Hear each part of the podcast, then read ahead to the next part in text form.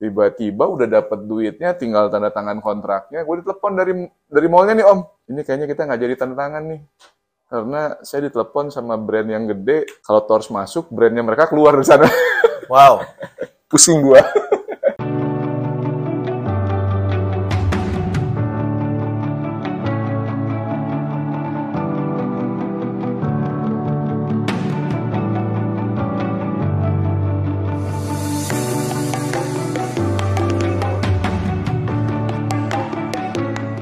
Halo Botakers, kembali lagi bersama saya Om Botak di cerita Om Botak dan buat teman-teman yang belum jadi Botakers, teman-teman boleh join member. Di sana dapat video-video daging yang akan bantu teman-teman dalam berjualan online di marketplace. Nah, ini video part part berapa ini ya? Tapi ini ini video yang part yang selanjutnya soalnya banyak banget dagingnya ya.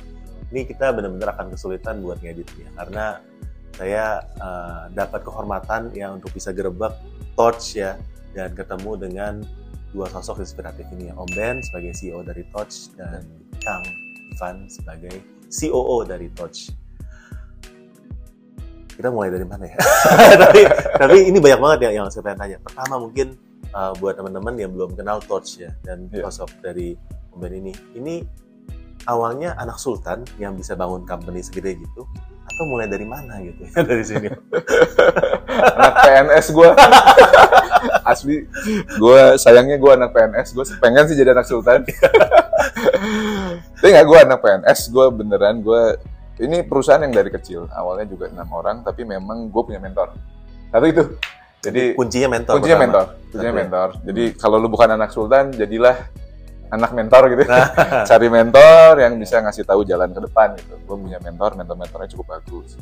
Nah waktu itu kita dirikan perusahaan ini tujuh tahun yang lalu 2015 2015 Baru 7 tahun.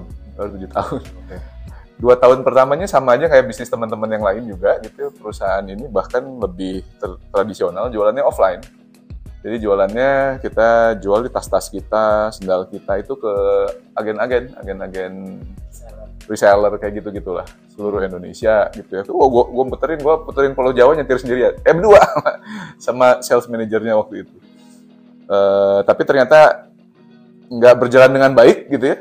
Karena permasalahannya adalah eh, satu banyak yang mau memanfaatkan perusahaan-perusahaan baru yang kemudian kita ngasih barang bilangnya konsinyasi katanya dua bulan ternyata invoice-nya ulang tahun setahun.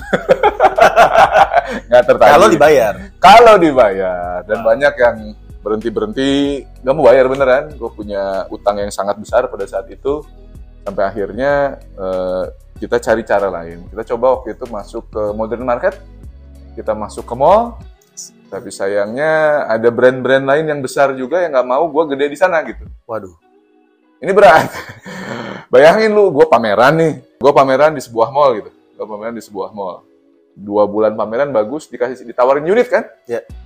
cari duit nih untuk si unit ini kan? Cari duit karena kan bayarnya lumayan gede tuh ya tiba-tiba udah dapat duitnya tinggal tanda tangan kontraknya. Gue ditelepon dari dari mallnya nih om. Gue ditelepon bilang Pak Ben ini kayaknya kita nggak jadi tanda tangan nih. Karena saya ditelepon sama brand yang gede. Kalau Tors masuk brandnya mereka keluar dari sana. Wow. pusing gua. Itu tapi titik titik balik gitu. Itu titik balik yang menyebabkan gagal di agen lalu di model market juga nggak bisa berkembang. Kita belajar digital. Kita belajar digital marketing dimulai dulu masih zaman Facebook Ads. Ini produk pertama yang laku di Facebook Ads sendal umroh ini. Jadi waktu itu ini roasnya bisa paling kecil 6 paling gede bisa 18 di saat itu ya. Di saat itu. Sekarang sulit ya kayak gitu. Ruas 6. ROAS 6 agak sulit karena permasalahannya juga orang sekarang sudah suka sudah punya kesukaan belanja misalnya di marketplace tertentu. Hmm. Dulu kita kan jualannya di tors.id, di web store-nya kita doang. Gitu. Eh, tapi kan kalau sekarang orang ada yang prefer ke Tokopedia, ada yang prefernya ke Lazada, ada yang prefernya ke Shopee gitu kan. Jadi eh, agak sulit kalau lu nggak bisa tracking. Nah, sama kita Ruas 6 tracking. itu iya, Ruas 6 itu yang Facebook ya. Tapi kalau Nah. yang di Shopee Tokopedia Oh, itu bisa. slightly higher. Hmm. Itu, itu lebih tinggi. Kalau Bisa bisa lebih dari 10 gitu kan Iya, ya. Betul, betul kalau yang kayak gitu. Nah, Facebook ini jatuh gitu. Karena nggak bisa di tracking. Orang datang ke websitenya kita, actually mereka mau belinya di Shopee, mau belinya di Tokopedia. Iya, Kita nggak bisa maksa kan? nggak bisa. Nggak bisa. Tapi kita bisa tracking. Karena masuknya lewat website dulu sebelum ke Shopee. Betul. Iya. Salah satunya kita, salah satu cara kita journey-nya seperti itu. Salah satu ya. Jadi orang tarik pakai iklannya Facebook, masuknya mendaratnya ke web store-nya kita, lalu orang milih, lalu masuk ke product page, dia kasih pilihan. Mau beli di sini, tos.id, mau beli di Shopee boleh, mau beli ke Tokopedia boleh, kita bebaskan. Tapi ada tombolnya di sana. Itu kita track.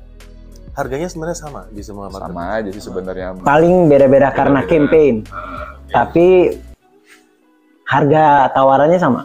Tapi sebenarnya ada satu eh, idealnya misalnya kita pengennya touch.id-nya aja yang yang paling besar. Tapi kenyataannya seperti apa sekarang? Nggak bisa bro, nggak bisa kayak gitu. Karena bisa. untuk saat ini kan masih ada fasilitas-fasilitas yang diberikan dengan cara bakar duit dikit di sana juga kan. Iya. Ada ada diskon-diskon, ada free ongkir, ada segala macam voucher apa pun di sana yang kemudian eh, kalau kita maksain kita akan kehabisan duit. Nyaingin itu. Gitu. Yes. Tapi ternyata kan konsumen ada tuh tetap yang beli ke tors.id karena memang profilnya dia lebih percaya pada web store. Yang lebih percaya kepada Shopee silahkan ke sana, yang lebih percaya pada Tokopedia silahkan ke sana, ke ke mana pun basically. Yang penting kita bisa track dia ada di mana sehingga nanti kita bisa bisa hitung sebenarnya atriba, atribusi ROAS si ads-nya sebenarnya sebesar apa. Future-nya sih sebenarnya eh, e-commerce itu harus ada di kita, di punya kita sendiri. Karena kan kita bisa bermain data. Iya. Di marketplace kan terbatas banget ya. Semuanya sekarang udah di masking dan segala macam. Betul kayak gitu. Dan kita susah kayak gitu. Tapi kita faktanya juga 70% konsumen baru berasal dari marketplace. Berarti memang harus buka di sana. Harus buka. Jadi we are riding the wave aja. Nah, tapi behind-nya jangan stop. Artinya gimana caranya kita reach out ke konsumen ini agar eh lu udah kenal Torch kan? Nah, lu belanja lagi, yuk tawaran di website ya websitenya kita harus lebih cakep lagi. Experience-nya harus lebih smooth lagi. Harus bedanya apa nih dengan di marketplace? Itu teknologi-teknologi yang kita implement sekarang di websitenya kita. Gitu. Berarti kalau boleh balik lagi tadi kan titik titik baliknya itu kan Hmm. pada waktu ditolak nih masuk Ya. mall karena ada yang Ya. uh, menghalangi supaya Hmm. jangan sampai nih Tots jadi jadi salah satu saingan baru yang tumbuh ya. Hmm, Nah, lalu kita lalu Tots itu masuk ke dalam online, online. ajar di Facebook Ads dan lalu sekarang ke marketplace. Nah, Betul. sekarang dari offline menuju ke online saat ini Tots itu lagi ada di mana? Di oh ini ini ini menariknya adalah Iya. awalnya offline, Mau mencoba offline. mencoba nih? offline, Iya.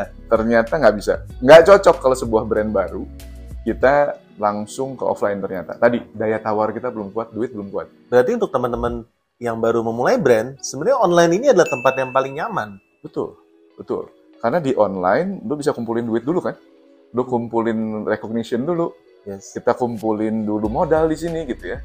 Modalnya macam-macam termasuk kayak sekarang gitu ya. Kita udah bisa misalnya kita jalan ke kota-kota kecil di eh, di Indonesia gitu, udah ada yang pakai Tors gitu. Nextnya adalah kita akan muncul ke sana sebagai toko offline yang terhubung sama online-nya kita. Tahun depan, doain. Ini akan menjadi O2O. Jadi bagaimana online to offline to online lagi.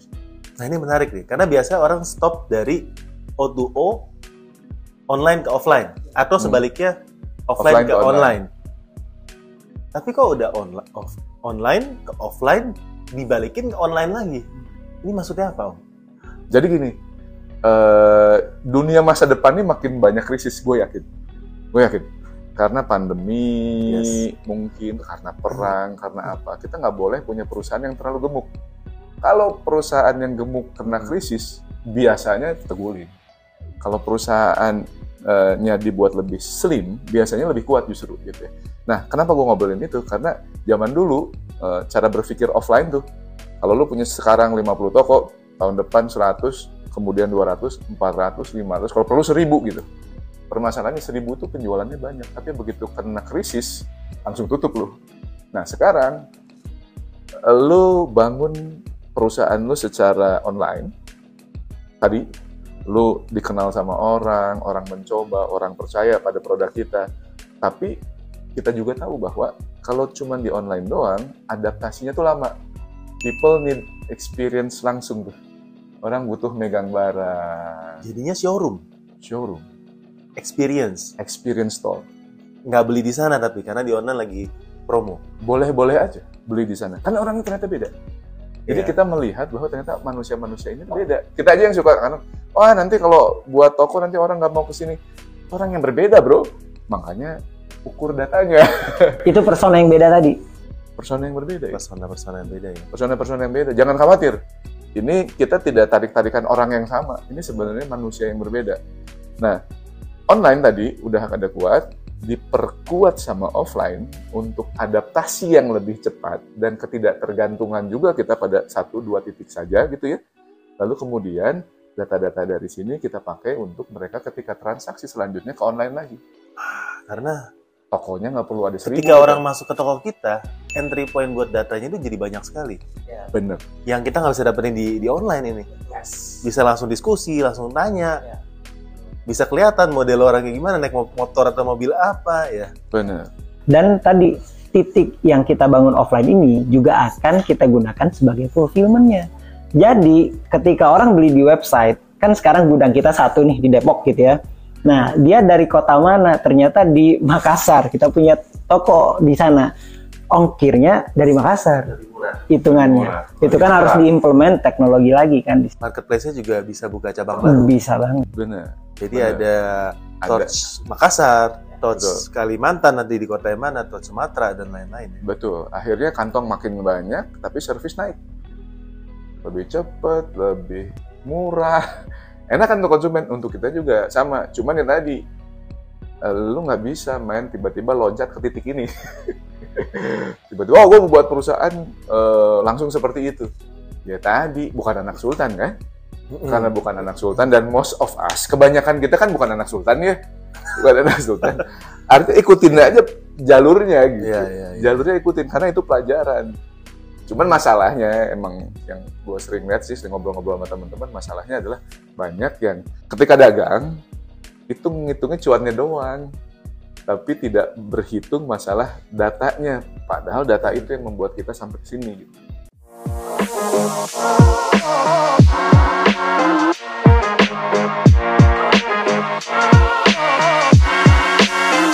Kalau max bidnya itu ternyata kita ketemunya di bawah dari min bid, kita nggak bisa ngiklan.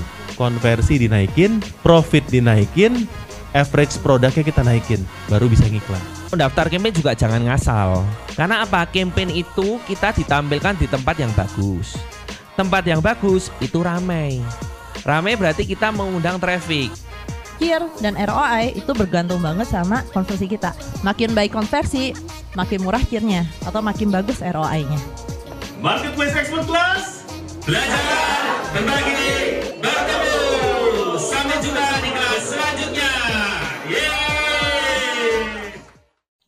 Kabar gembira Botakers, kita akan mengadakan giveaway. Giveaway-nya adalah 2 jam free bedah toko untuk Botakers dan nanti setelah kita menyentuh 30.000 kita akan ada live untuk giveaway-nya. Intinya satu Botakers yang beruntung nanti akan dapat free mentoring dari Om Botak one on one selama 2 jam. Thank you.